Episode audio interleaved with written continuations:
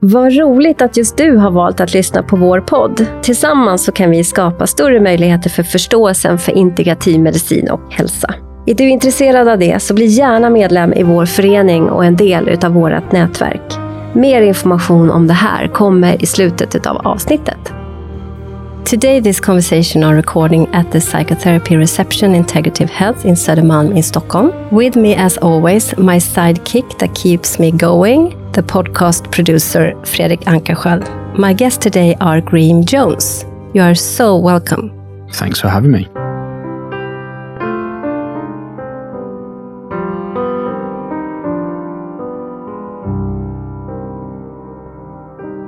Graham, I have invited you because you are CEO and clinical director for Nordic Clinic here in Stockholm and Helsinki. But I see you as a British man working here in Sweden, undercover for having functional medicine to happen. And I will start to ask you for our listeners to know what, what uh, Nordic Clinic are. Could you tell us? Absolutely. Nordic Clinic is actually it's a group of clinics. So Stockholm is one of four clinics throughout Europe and we're slowly opening more in new countries. But really it's if you like a center of excellence for the delivery of personalized medicine. Okay. And how long has this company? It started in Copenhagen approximately 15 or 12, 15 years ago now. And that clinic based in Denmark was the only clinic for, for many years until I started working with Nordic Laboratories, which is part of the Nordic group. And through that cooperation, basically, we decided that it was also time to open an additional clinic and um, Stockholm was was number one priority for that location. Okay. How come? I think it was primarily because that's where I was living. Aha, so you were living here in Sweden yeah. before you worked start you started working for Nordic Clinic. Yeah, so I'd always worked in medicine in various capacities, working with integrative teams and integrative medicine, working in medical screening, working with complex cases, chronic pain, worked extensively in London's Harley Street district um, with a variety of practitioners. So when I first moved to Sweden, it was really the first time where I wasn't working in some kind of medical clinic. So my goal was I, I want to get back to working within that environment as soon as possible. Okay. So how come that you moved to Sweden? I was living in London and sick of the, the rat race really there. Uh, so I just, uh, well, been visiting Sweden multiple times. A, a good friend of mine uh, was living in, in Gothenburg and really the, the fresh air and nature and the Scandinavian way of living really appealed to me. So I just decided to, to move. So you like our Scandinavian way? It's not everyone that does that. no. Um, but it's uh, well, yeah. I, I, really, I really enjoy it. I like the the way of the way of life it's still quite intense living in Stockholm. I wouldn't, not too dissimilar to London, I would say actually, but um, it's easier to get out into nature and there's a, a better work life balance in, in general. So there was many things that appealed to me, but those were some of the key, the key aspects, just the change of, change of scenery and, um, trying out this way of Scandinavian living. And now you have been here for six years. Six years now. Yes, just recently married to um, yeah. Congratulations to Victoria. Poor, poor woman. Yeah, poor woman. She, no, congratulations to Victoria. Yeah. Um, so it's yeah, really my well when I when I first moved here, I didn't know how long it was going to be for. Was it going to be months or a couple of years to try it out? But um, I really firmly see myself staying in, in Scandinavia. Hmm. So I think now we can go into the most important, uh, the most interesting part here, and that is you. How come that you have this big interesting? How come that you have kind of given your life for functional medicine? At least that is how I see you. We have met in, in seminars and conference, and we have done some cooperation uh, between Nordic Clinic and Integrative Medicine, the association that I'm working for. So, where did it start? Well, it started really from a very early age. I was always interested in sport and wanting to play sport, and that developed into then more, I think, performance and how to perform to, you know, how can patients perform to their very best and really sparked an interest in the fitness side of things. And then that rolled more into medicine and pathophysiology and how does disease occur. And then it progressed to working in, I mean, an environment where I would say I was quite lucky from very early in my career. I was exposed to pretty forward thinking. So a hospital group called Nuffield Hospitals in the UK, where they decided that the standard medical screening model was actually quite poor and okay. it didn't do very much for actually stopping disease or trying to reduce the risk of disease. And it wanted to change its focus to doing its best for disease prevention. So very early after you know, finishing my, my degree, getting into clinical practice, was I exposed to this type of thinking. Plus, I would say to some degree, I mean, I've suffered at times with quite low energy levels and possible like burnout or maybe chronic fatigue when I look back on my late teenage years. So it was probably in my early 20s where I really changed how I was eating and living my life and things happened pretty slowly, but um, it was quite dramatic. And it, it's, I still get improvements and still see major changes in my biomarkers and physiology over time through yeah, behavioral optimization and change. Okay. So you kind of de developed some chronic fatigue in the late teenager. What do you think was why? Yeah, uh, I think there was there was a lot of re- I had dysfunctional circadian rhythm, and I was staying up way too late, and I was working early jobs. I was quite quite funny. I was delivering milk in England at one stage as a young teenager that uh, that that that pays pretty well when you're that age, but it involved getting out of bed at some ridiculous early hour in the morning. I think it was a combination of just that and poor, I mean, terrible eating habits. I mean, I'm, sometimes I'm surprised I'm not dead really growing up on kind of standard English diet. Yeah, that, that was what I'm coming to because yeah. my presumption is uh, is that um, I have been in London several times actually, yeah, and I love to be there. But the the diet, my God, yes, you have really a lot terrible. of different uh, areas that you can find different kind of food, of course, but but still, I think the, the, standard diet is terrible. I mean, England is or has a very broad range of foods and approaches, and that's what also makes it quite interesting but the general standard of nutrition is very poor and the general understanding of nutrition is very poor. It's very different working with a Swedish patient compared to a British patient. It is the, the similar. They're very, very different from very nutrition. Different. Sorry, like starting points. Ah. So a lot of my work in England with patients would just be so basic to begin with about what what are examples of healthy foods to eat. Whereas in, in Sweden, it, it tends not to be at that kind of low, low level.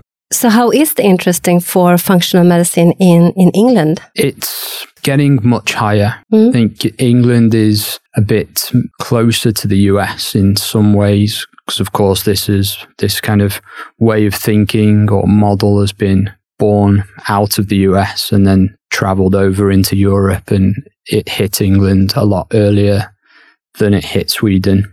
And there are many doctors using functional, even though I think it's a terrible name for what we actually do. Yeah, what, what would a, we like to call it? Well, I think personalized medicine yeah. is a lot, mm. a lot better. Mm. I mean, I think medicine should be personalized anyway. So it's um, really should just be, yeah, good, good medicine is really about personalizing the approach to the individual. because of course we see a lot of individual responses to to treatments or behavioral change, nutritional diets or exercise. So in my of course opinion it always should be personalized as as much as possible. Yeah. I totally agree. That's how we how we try to work here in in this psychotherapy reception, personalized for every patient, for the unique uh, statement that is can be very very different or always different. I would say. Yeah, I think that's where early on in my career we were giving more generalized advice and you would get patients that would come back one one year later and they'd been really applying that advice and they were no better. Or they were worse in some cases. So it really questioned or made me question a lot of this kind of standard advice and why isn't it working? Why were my interventions not not helping so that I think that that was probably in the first one to two years of, of clinical practice when I started. And then I really started to understand as well as it helped that I had quite forward thinking people around me in, in different ways that were really helping to encourage that kind of thinking in a safe way, of course. But kind of yeah. sounds like the best uh, the best circumstances of science were you in a yes scientific scientific uh, group or something, or what did you do on this hospital? Well, within Nuffield hospitals, uh, essentially there are yeah, many hospitals throughout the UK, and it was a hospital that typically had focused on like musculoskeletal ah, operations ah. or rehabilitation, but it was doing medical screening and basically it decided to change its approach with medical screening and take things more in a preventative direction because, of course, the classical screening tests really are not that helpful. And what I mean by that is that you could have an ECG and your artery could be 90% occluded and the ECG can look normal. So until you had an actual heart attack, oh, then it's, of course, it's, it's trouble, but mm. you could have had an ECG done the month prior that looked totally normal. You can have a lot of different blood results, which I've seen a variety of practitioners not really worry about until they're absolutely abnormal. And we were interested in looking at trends. So not only is it in the normal range, but where is it in the range? Is that applicable that we want it lower in the range in, in the instance of whatever test it was. So we wouldn't wait for you to turn diabetic. We'd be looking at the, the facts and figures and if they're progressing upwards for fasting insulin, if you start to have a HbA1c that really creeps up into the late 30s, starts getting into the early 40s, I mean, we want to be dealing with that much sooner rather than later because it's so difficult to reverse disease once it's present, I mean, it's much easier to prevent. Yeah, because this is pre healthcare that you're talking about that to, to develop. Yeah. Pre healthcare. Yeah. The, you can, we, we, maybe we should say that in uh, integrative medicine and health, we're kind of good to reverse uh, disease as well. I think not always, but, but uh, we can all, often do some, something that is uh, getting the patient to, to become better. Yeah. And I think that that is the case why this is uh, growing so much. I think, first of all, many patients are just so well educated or they're, they're able to look on Google Scholar or PubMed. They're, they're able to do much more research than they could 10, 15, 20 years ago via the internet. So they can go in and they can look at, well, what does the research say? What's the evidence suggesting? And the fact is that standard healthcare is a slow moving beast and it takes a long time to get guidelines changed. So not always, but a lot of the time the, the advice is can be decades old and it just takes such a long time to, to change. So standard healthcare or the the National Health Service as we call it in the UK, it it does take a long time to change guidelines and I think people now are just not necessarily willing to, to wait that long. They want to know what what does the latest evidence and thinking say and they want to know more about their own body they don't necessarily want to wait until it totally breaks down before something has to be done and this is not to dismiss what the National Health Service does because I think it's fantastic and Absolutely. we try and cooperate as much as we can. Uh, and I have many colleagues and friends that work in the, the normal service, but it but it has its limitations. And in England, I think do a better job at combining both the National Health Service and the private market to really address people's needs. And the reality is is that the National Health Service can't do everything for your health. And we're trying to encourage as many patients as possible that they have to take responsibility for their own healthcare. It's your responsibility to look after yourself. And if you don't have good health, then it's difficult having, generally speaking, good quality of life. So whatever your goals are, and I think it's, uh, of course, a point close to my heart is that people should take more responsibility for their own health. I mean, it would save taxpayers a lot of money if we just take type 2 diabetes, for example, or visits to the vårdcentral, 80% of which are for some kind of chronic disease. I mean, even if we could reduce that by 10, 20%, it would be a huge amount of money and um, time that could be, be used to focus into other areas, education. Hmm. or whatever that that is. So for me, preventative medicine is really important. And of course, preventative medicine is on this spectrum or continuum that we want to try and use that as much as possible to prevent people progressing to disease that then is going to take a lot of time and resource from the healthcare system. It's going to really affect quality of life. And it's much harder, as we've already said, to reverse a disease once you have it compared to preventing it happening yeah. in the first place. Yeah, that's very true. And in this psychotherapy reception, we also work, I think that a lot of psychotherapists are working like that, that we are kind of investigate how much um, motivation the patient have for taking their own responsibility because you can't develop through a psychotherapy if you don't take the responsibility for it. In the sessions, we do things together, but then the patient have to go out and do whatever they have to do to rearrange their disease or a better mental health. Yeah. And better relationship and better whatever they are reaching out for us to do to help them with. And I think that's is the same as what you do uh, in Nordic Clinic. So then we take this conversation to Nordic Clinic. What what do you do on your days when you are working for Nordic Clinic? Could you kind of give give us the details?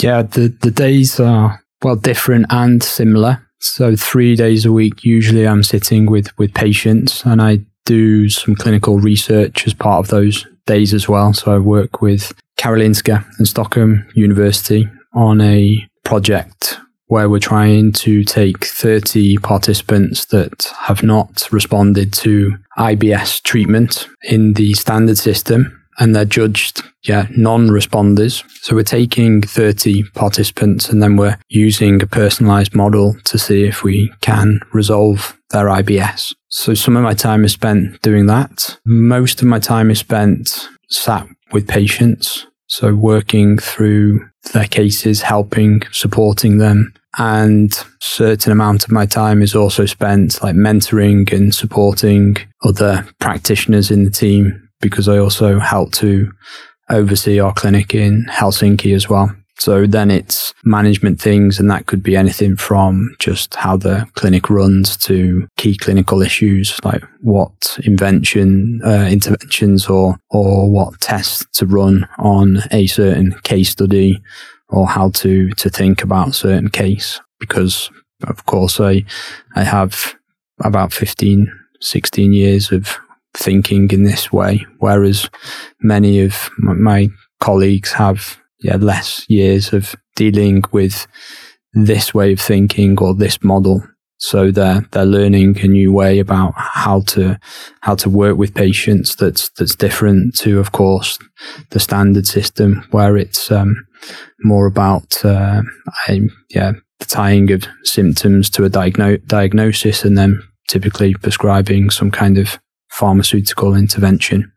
And um, again, that's things that we do at Nordic Clinic. We're, we're not, we don't abandon that way of thinking, but we add this whole nother layer on using uh, additional tests that tell us more information about how the patient's body is working or functioning, what the microbiome is like, what are their genetics, what are yeah their their stress levels, how can we change that? And we use a lot of different tools from yeah, changing of the way patients eat to how they manage stress or giving them basic tools um, to exercise, to medication and to supplements where we have evidence that a supplement is is needed. So we're not we're not a, we're not afraid to use different tools. We're not sitting on one side of the fence or the other. We're trying to find what what is the best way to help this patient in front. And um, and some patients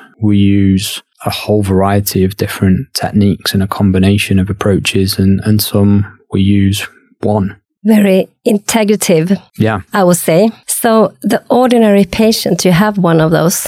A lot of our patients, I would say, usually have quite a degree of fatigue. That's extremely common, and that won't be any surprise to any healthcare practitioner listening to this because that's the number one complaint, generally speaking.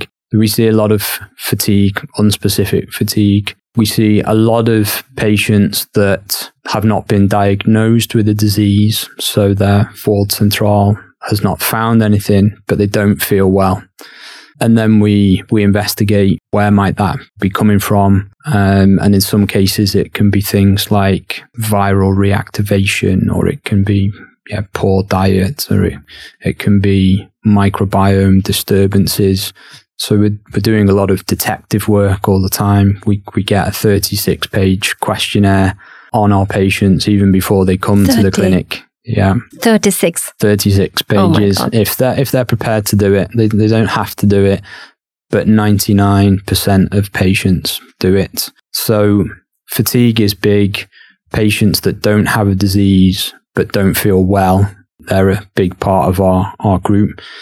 We get a lot of digestive disorders, mostly IBS, but some inflammatory bowel disease as well. Skin conditions, we get ME, CFS, so chronic fatigue syndrome. What is CFS? Well, it's a condition which is really only diagnosed mainly through ruling out of many other factors. And there's not many clinics in Sweden that, that work with that alone and that can give that that diagnosis. So it, it's quite hard to get that diagnosis, but it is a, a really horrible condition where any exertion by the person who has that condition usually then results in further exhaustion, flu type feelings. They just basically find it hard to to do very much um, and feel really terrible in the process. And I can't think of anything worse than that. And it just it just goes on and on. And um, there's been strategies like pacing, which again has maybe been incorrectly ap- applied, and these group have, have been kind of marginalized that oh, it's all in your head and there's nothing going on there, and really there's still a lot of research that that needs to be done but um, it's a very misunderstood condition. Is that the same as the Swedish diagnosis name as uh, myalgisk insomnia? Exactly. Mm, yeah. Okay. So the ME. So we had a, a podcast about that for two, three times ago with the dietitian Marina Olai. Who's okay. working that on Bragée-kliniken. Yeah, I've met Marina. Yeah, okay. Yeah, good. Yeah, She's I wonderful. met her before she went to work at Bragée. So we had a little little bit of interaction. Okay. But yes, she's a, a, a, dietist with, with interest in that condition. A big interest. Yeah. uh, um, yeah, and we, we've had different chats about dietary approaches for that for that group. So we, we see patients with that and um, yeah, look at a variety of factors that that can drive that condition. And um, we also we see a lot of autoimmune patients variety of autoimmune diseases, mostly of the, the thyroid. That's the most common, say that that we that we see. And of course, a variety of other things like sleep issues, low sex drive, for example, burnout, and yeah, some other things. But I would say that that covers quite a lot of the, the type of patient that, that comes to the clinic. So, uh, kind of the complex and chronicle statement that people, a lot of people have yeah. in our lifetime. And uh, post COVID, have you started to see them? Started to see a few of those patients. And we see some similarities with, with post viral fatigue. So I believe I've written a little bit about this. That, okay, um, where have you written about it?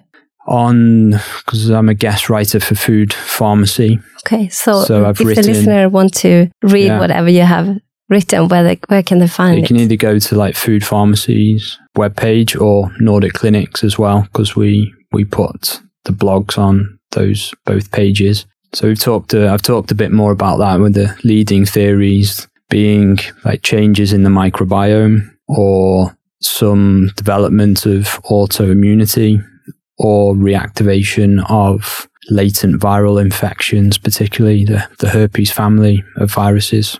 So with those post-COVID patients, we've been certainly doing and, and finding some interesting results with viral reactivation mm-hmm. and microbiome changes.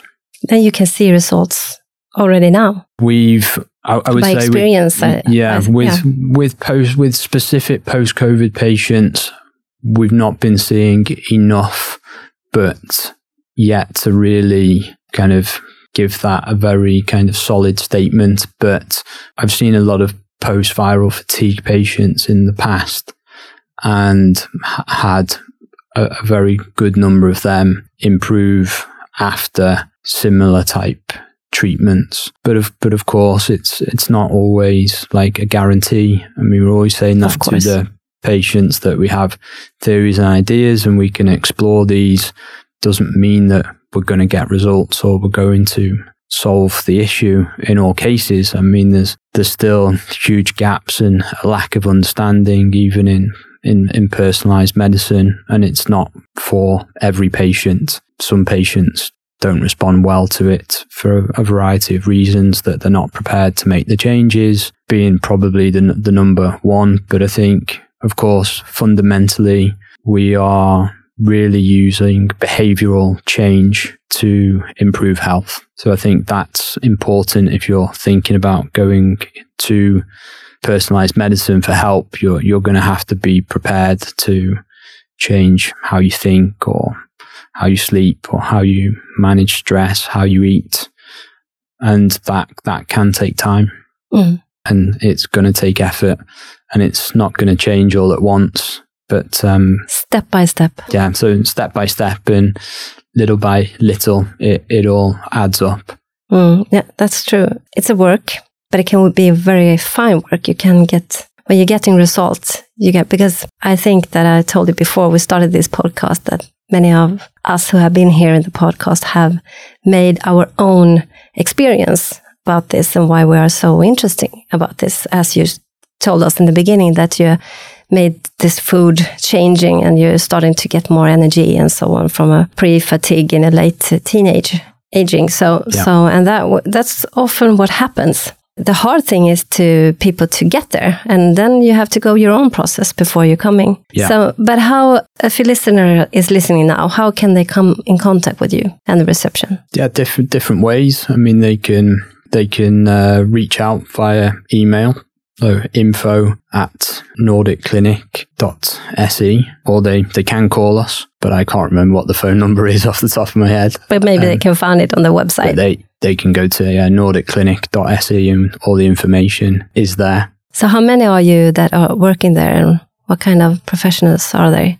We're around 16 people. Some, of course, are based in the administrative side. We have four different medical doctors with different specialties. With different specialties to cover different areas. And we have a or two nutritional therapists. We have three health coaches. we have a, a researcher because we've also been doing research looking at how our model works to improve outcomes with patients. Again, that was something I've been wanting to do for a long time to really start to demonstrate how how does this model work? Can we show that it really improves quality of life? Because we all anecdotally we see that patients get better.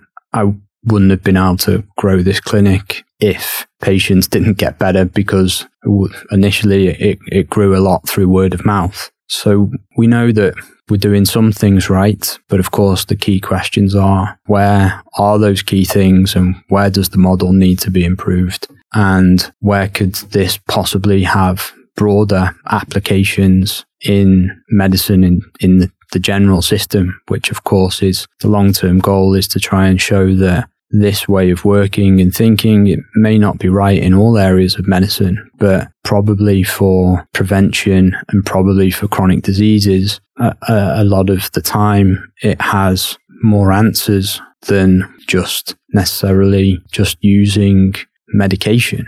And that's not to say this is not one or the other. It's we combine this with medication patients are taking. And sometimes that means they can come off medication with the right supervision, of course, and when the time is right. And sometimes it, it doesn't, but they, they get great improvement by combination of approaches and we can't do everything. I, I can't know everything. Doctors can't know everything. We need different specialties to be able to work together and get the, get the best knowledge and information for, for different conditions and problems. So I think that was one of the things with the clinic was it needed to be a multidisciplinary clinic to have different special specialities around behavior and lifestyle in particular, because that's where we are fundamentally trying to make a big difference. Mm, true. And what you say that I, I'm thinking that this is both and instead of either of, as this podcast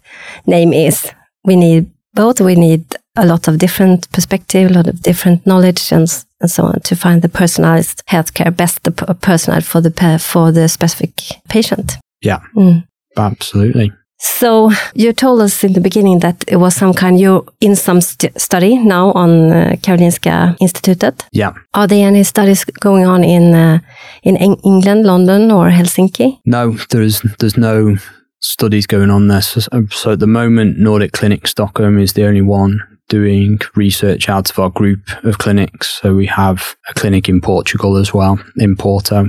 Mm-hmm. And we're, we're hopefully going to be opening soon in, in Iceland and Croatia and uh, wow. uh, yeah, possibly London as well. We'll, we'll see. But um, that's the, the plan is to yeah can basically develop grow the grow the team throughout throughout Europe, but just have these centers of, of excellence where we can demonstrate how this model works mm. for chronic disease and for, for those patients that want that that help. Mm. So are you going to be director for those reception as well? Those clinics as well? Yes. Yeah? Yeah. Wow. Yeah. You're going to be more, even more busy. Yeah, a really bad idea. Yeah, I mean, I think it's very exciting to to work with such a, a range of different personalities and specialities because for example we have a neurologist in croatia we have like a sports medicine doctor in in porto we have cecilia tabel an endocrinologist yeah, in, she's in been Stockholm. here in the podcast twice yeah. actually and we have yeah, these these different specialists and we have different nutritionists all over europe that um, really i think it i mean it creates such a rewarding environment in one way because you you're learning all the time through different experiences and different viewpoints. I think that's what I'm really trying to do is work on this, work on this model of personalized medicine, bring all those people together from from different countries, show how that works and be able to I mean hopefully we'll be able to do more research throughout all of the clinics eventually and then we can we can really start to get bigger data cohorts and we can look at outcomes for, for various conditions or diseases that we're working with. And it, and it might be that some of the team get much better results. So then we need to learn by that. why are they getting better results over there and what can we take away? And of course, some of that is clinical intervention. Some of it's soft skills, like how the bedside manner, so to speak, of of certain doctors or practitioners. And I think that's also important with the, um, yeah, the process of, of getting better. You don't want to be working with someone who is not personable at all or rude or has no empathy. I mean, it makes it much harder as a, also speaking as a patient who've, who've been and tried to work with, with different doctors at times. And so I think it's, it's more difficult when the, um, yeah, there's not that that relationship there that's that's supportive and understanding and empathetic and someone who can communicate with you on a, a level which you understand. That's awesome. So today, are you are you working like that? At, if you have a problem, you have an issue with a patient, you can cons yeah. consulting uh, doctors in in London, England, Portland, in Portugal. Portugal. Portugal. Yeah, in Porto. Sorry, yeah. I didn't hear that. Portugal. Yeah, Portugal. Can you consult doctors there and in Helsinki and, and here in Sweden? Or can, can they, those doctors from here, Cecilia Tebelles, for example, can, can they sit together and have a, a conference or a conversation? Yeah, I mean, we, um, like tomorrow, for example, I will deliver training to the whole group of clinics throughout Europe and we'll get different insights and opinion on certain examples of cases so of course we we we were always discussing various issues, um, and that could be more general topics, or it, it could be we we have an example of a, a patient a patient case that either the patient has given us permission to discuss it with the group, or we re- remove, of course, any identifying features from that that case, and then we can discuss it internally and um, see what ideas the the group come up with. So if a patient reach you, come to you yeah. uh, for help, because I haven't heard this about anyone that have been having those conversations with uh, during this 21, 22, 23, maybe 24 when this is sending. Uh, during this podcast, that patients that, that are coming actually can have other doctors, other practitioners from other countries to solving the problem. Because if they have gone uh, for a long time with uh, some chronic or complex statement, they actually can have professions, uh, specific professions from other countries as well. I, I, have never heard that any any clinic have this. Well, it's not. It's not. It's not that it's a paid. It, it's not a paid service. So no, it's no. not like they're they're coming to to, to us in Stockholm to, to have an opinion of whoever that is in another country. But of course, we have a network of extremely talented practitioners. So it's not unusual when we get these complex cases and if there's yeah there's a patient with a neurological condition that um, yeah and this this happens where we're, we're trying to refer that patient for for further neurological examination in in Sweden and they won't take the referral, which is really challenging. I mean, I hadn't encountered that before being in London where there's, there's always, even though you, you weren't joined with all these other clinics, but you would have your, your network of specialists that we would refer to for opinion on cases and they would always like welcome those those cases look at what we're asking give their specialist opinion and refer the patient back to us so I, I could often be sat in the middle of that spider's web where a patient may need to see the surgeon and see a specialist physiotherapist, maybe go to a gastroenterologist or an endocrinologist, might need four different opinions on what's going on. And then we would sit in the middle, uh, you know, like, a, like of course a general practitioner would do in the normal system. But of course, in the normal system, it's going to be very hard to get that amount of referral, generally speaking. We do where we have, I mean, also I work with some professional athletes and eh, in Sweden. And if there is a, an issue where we need a sports medicine doctor opinion, then I, have got the ability to go to the doctor in Portugal and, and ask a question about certain symptoms or issues, and I'm going to get a very specialist opinion. Um, so I think I've always done that naturally that's a that's a normal thing for me. That doesn't feel strange to really talk about. Uh, and and I think everyone in medicine probably does that as well to a certain degree because you're always asking colleagues or sharing information, um, not not directly about patients, but it's like yeah, I'm working with a patient with X condition or issue. What do you know? How, what have you done where you've had troubles with this or that? But yes, we, we are more and more developing the Nordic Clinic network and how we can all learn much more effectively from each other across different countries. But in, in, London, we always used to have, so I worked at a chronic pain clinic there. I mean, we used to have monthly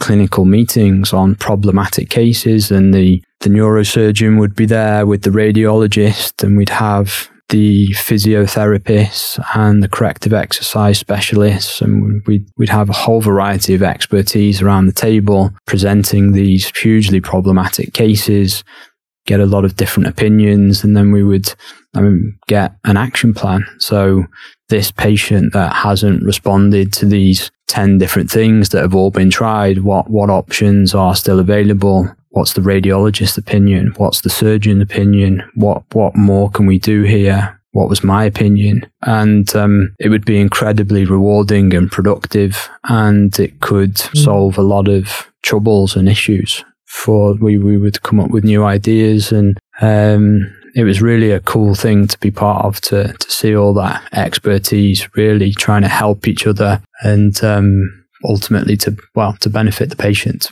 I can really understand that. Very stimulating for you as a practical, as a therapist as well. I agree that, of course, we, no matter what, we are working with, are, are asking our colleagues and other professionals about patients that we need to discuss in some way or so. But the, it's kind of another level when you can also ask professionals from other countries because we, we still, we have our social constructions, our guidelines in different countries and so on that that is different from another country. So, and with that, we can think in another way. So it kind of even yeah. gets more a, uh, a, higher quality when you also can think out from the box because you're speaking to someone else that have other guidelines, that have other uh, way of thinking and other way that they have taught something knowledge about whatever they're working with. So I think that is very, very Socratic. And everyone that has listened to this podcast know that I, I kind of love so Socrates. Yeah. and dialectic. And I think this is a very Socrates way to, to speak about circum issues. Yeah. And we might not be able to we might not be able to apply some of the things that they're suggesting because the Swedish system doesn't allow it or it's controversial, but it's still a, always an interesting learning process. Mm. Um, I mean, there's just so much evidence out there and research and unfortunately, many doctors don't really get the time to go through it. I mean, most research is written for other researchers, and it uh, it doesn't trickle down usually very well to those that are making the clinical decisions in the day to day practice. Yeah, so, true. of course, a lot of things. I mean, wasn't so long ago where you know, would have doctors think I was crazy for talking about the microbiome and the importance of gut health for overall health, and now that's a lot. Common. Yeah, it's or it's it's less contested yes. at least. And we have been with that. We have been part of doing that work to to yeah. bring out that knowledge. Yeah. And I think that is uh, amazing. I think for me, it just makes sense that we have all these different systems in our body and they're, they're all working together as a whole so to say that the, the body and brain are totally separated, or the fact that our hormones don't talk to our gut bacteria, or our gut bacteria does not talk to our brain or our mitochondria. And we clearly see now there's a lot of, or a lot of, much more research which shows that that is the case. Yeah. That bone health is important for gut motility, for example. Yeah. And um, yeah, the, these things have really come more and more to light. Mm.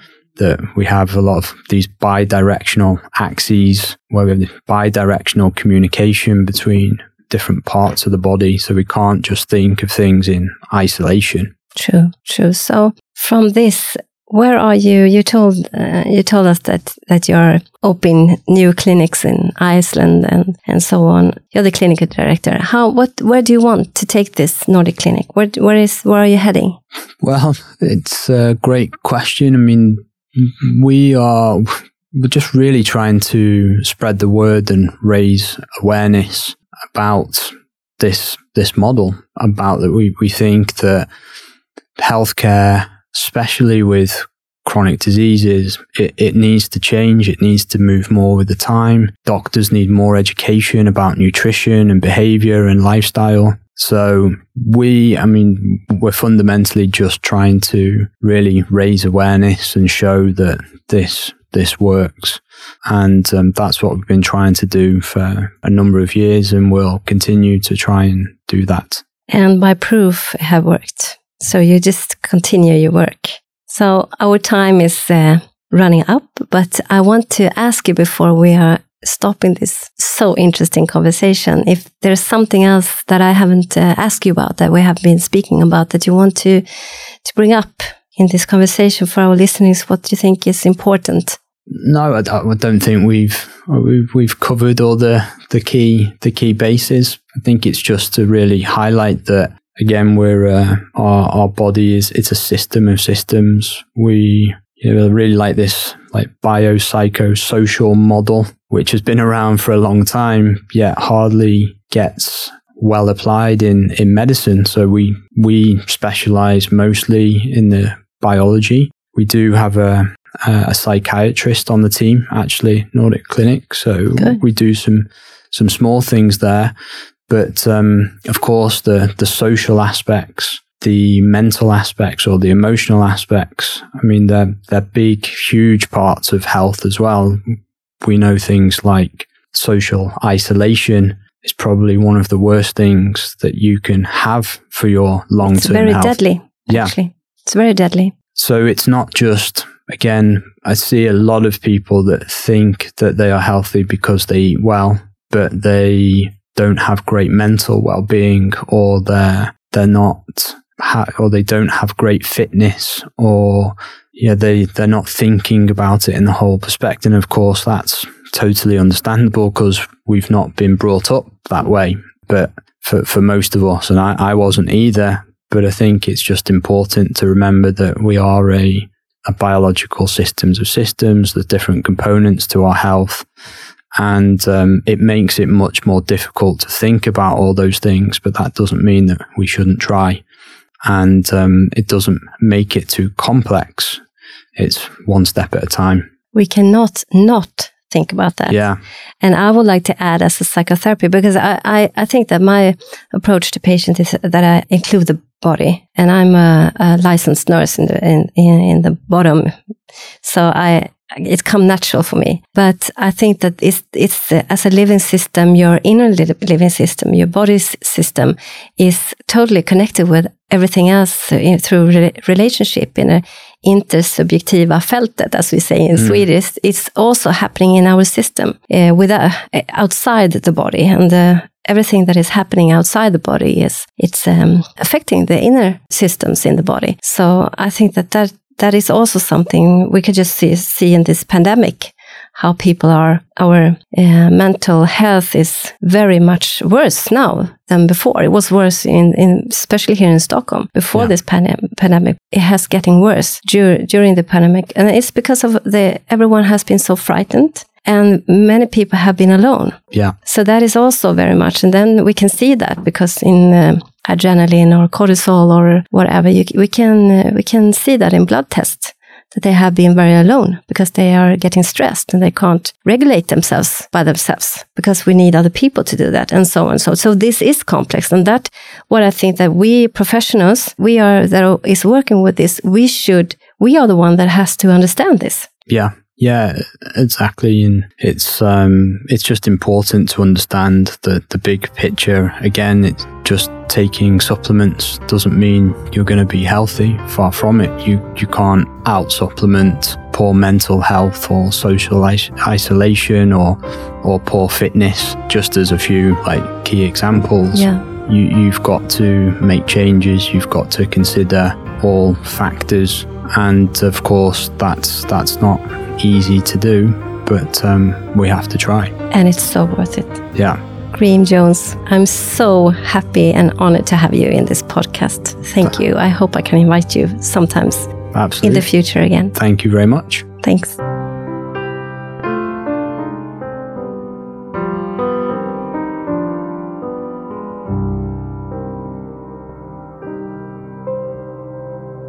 Både och istället för antingen eller en podd om integrativ medicin och hälsa är skapad och drivs av Svensk förening för integrativ medicin och hälsa, FIM.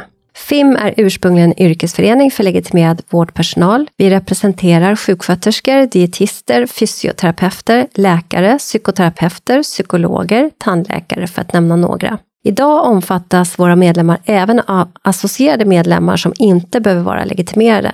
Föreningens arbete vilar mot den vetenskapliga grund för integrativ medicin och hälsa som finns, såväl svensk som internationell och på systemisk förståelse av människan i sin miljö. Vår förenings arbetssätt har hittills varit att arrangera konferenser, seminarier och folkbilda genom att sprida information, exempelvis via sociala medier. Vår strävan inom integrativ medicin är att vara en organisation som vågar lyfta och ifrågasätta, motverka polariseringar genom tvärvetenskapliga dialoger och sokratiska samtalsregler. Vi vill kartlägga forskning som bedrivs även internationellt och hålla koll på aktuella forskningsresultat om behandlingsmetoder, både vad det gäller den etablerade vården liksom den vård som bedrivs utanför den etablerade vården. Sokratiska samtalsregler innefattas i den sokratiska samtalsformen som egentligen all grundläggande kunskap är sprungen ur, men som ibland till och med lyser med sin frånvaro i dagens public service. Så bli gärna medlem hos oss, för tillsammans kan vi förändra. Och hur du blir medlem hittar du via vår hemsida integrativ-medicin.se. Vi ses och hörs i nästa avsnitt.